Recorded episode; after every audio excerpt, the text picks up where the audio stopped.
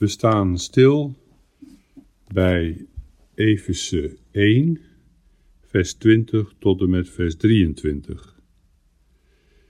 Ik ga dit gedeelte eerst aan u voorlezen uit de Statenbijbel. Die hij gewrocht heeft in Christus, als hij hem uit de doden opgewekt en heeft hem gezet tot zijn rechterhand in de hemel, ver boven alle overheid en macht en kracht en heerschappij en alle naam die genaamd wordt, niet alleen in deze wereld, maar ook in de toekomende, en heeft alle dingen zijn voeten onderworpen, en heeft hem der gemeente gegeven tot een hoofd boven alle dingen, welke zijn lichaam is, en de vervulling desgene die alles in allen vervult. We zijn toegekomen aan het slot van Efeze 1. Efeze 1 is een, wijst Paulus op de grootheid van Gods genade in de heidense wereld. Daar in Efeze werd te midden van de afgoderij een gemeente Gods gesticht. En die gemeente heeft haar oorsprong in het handelen van de drie-enige God. God de Vader heeft de gemeente verkoren, God de Zoon heeft de gemeente verlost en God de Heilige Geest heeft de gemeente bij de verkregen verlossing gebracht en bewaard.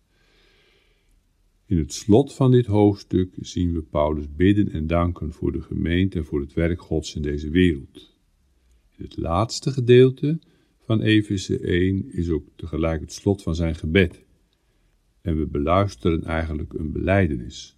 Een beleidenis over de almacht van God, de enorme kracht die openbaar is geworden in de stichting van de Nieuwtestamentische gemeente.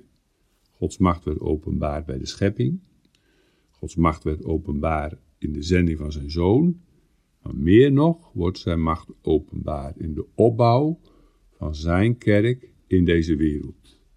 We lezen daarom in vers 19: De sterkte zijner macht.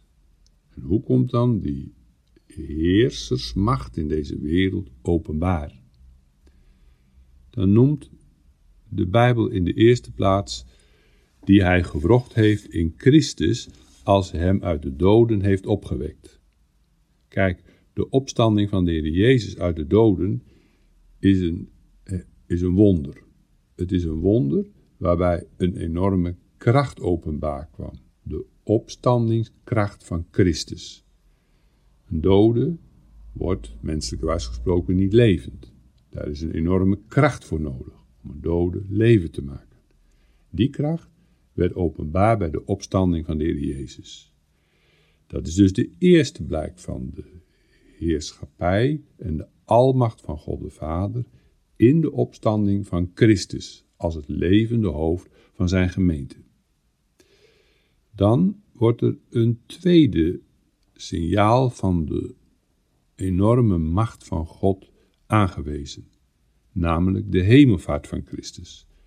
Want we lezen en heeft hem gezet tot zijn rechterhand in de hemel.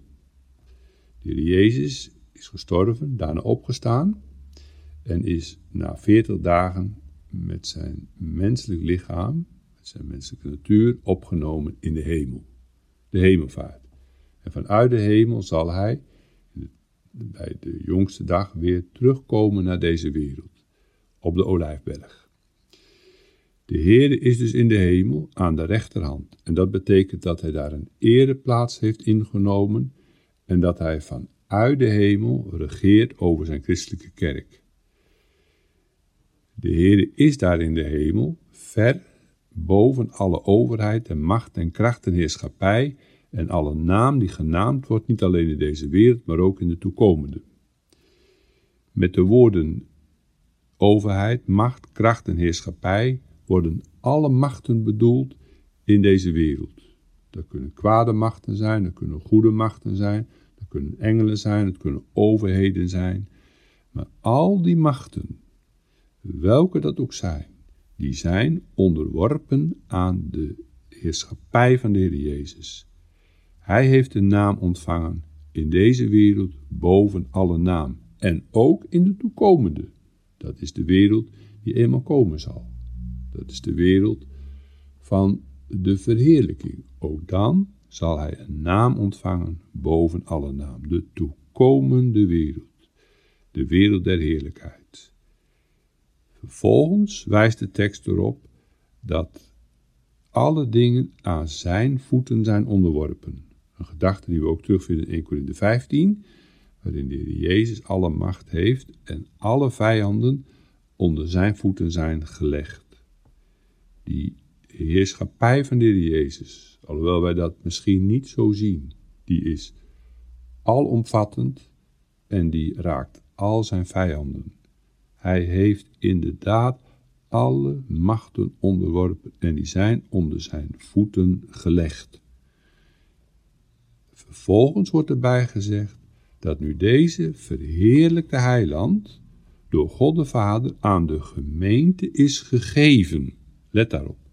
Christus is het geschenk van God de Vader aan de gemeente. En heeft hem, God de Vader heeft hem, der gemeente, dat is de kerk Gods, gegeven. En de Heer is gegeven tot een hoofd. Over dat woord hoofd is veel geschreven. Hoe moeten we dat precies lezen? Hoe komt Paulus eigenlijk aan die gedachte van hoofd en lichaam enzovoorts? Het gaat hier bij hoofd vooral om de gedachte dat de Heer de leiding geeft. De leiding heeft in zijn gemeente. Dat Hij de heerschappij uitoefent. Dat Hij degene is die over zijn kerk waakt en de richting aangeeft voor zijn kerk. En ook vanuit de hemel als de Zoon God zijn gemeente bouwt. Het gaat dus om Christus, die een hoofd is boven alle dingen. En bij dat hoofd is dan ook een lichaam. De gemeente als een lichaam. Er worden veel beelden gebruikt in de Bijbel voor de kerk. Een gebouw, een kudde, maar hier het beeld van een lichaam. Een lichaam met een hoofd. Het lichaam, dat vormt één geheel. Het lichaam zijn allerlei verschillende delen. Ene lichaam van Gods geest wordt gebouwd door Christus, die daarvoor zijn geest uitzendt. En het lichaam wordt dus bijeen gehouden door zijn geest. En dan staat er tenslotte nog, en de vervulling desgene die, allen in, die alles in allen vervult. Daarover is ook weer veel geschreven, maar de vervulling betekent dat de Heer die hele gemeente opbouwt, als het ware volmaakt. En dat die gemeente hoe moeilijk het ook is, in Efeze bijvoorbeeld, en hoeveel stormen er nog overheen zullen gaan.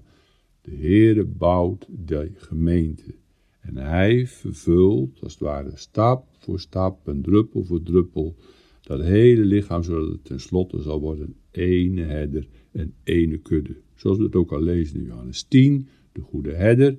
Ik heb nog andere schapen die van deze stal niet zijn, die moet ik ook toebrengen. En zo zal de Heer dus die hele gemeente toebrengen en zal het worden het totale getal wat er eenmaal zal komen, die alles in allen vervult. Hier het aarde in beginsel, straks in de eeuwige heerlijkheid, volkomen. En dan zal God zijn, alles en in allen. Voor ons de vraag, kennen wij nou deze heiland en deze zaligmaker? Is hij ook mijn zaligmaker? Geloof betekent dat we de Heer Jezus persoonlijk leren kennen en dat we persoonlijk op Hem vertrouwen. We zijn nu door Efeze 1 heen gegaan. Efeze 1 is een soort loflied op Gods genade.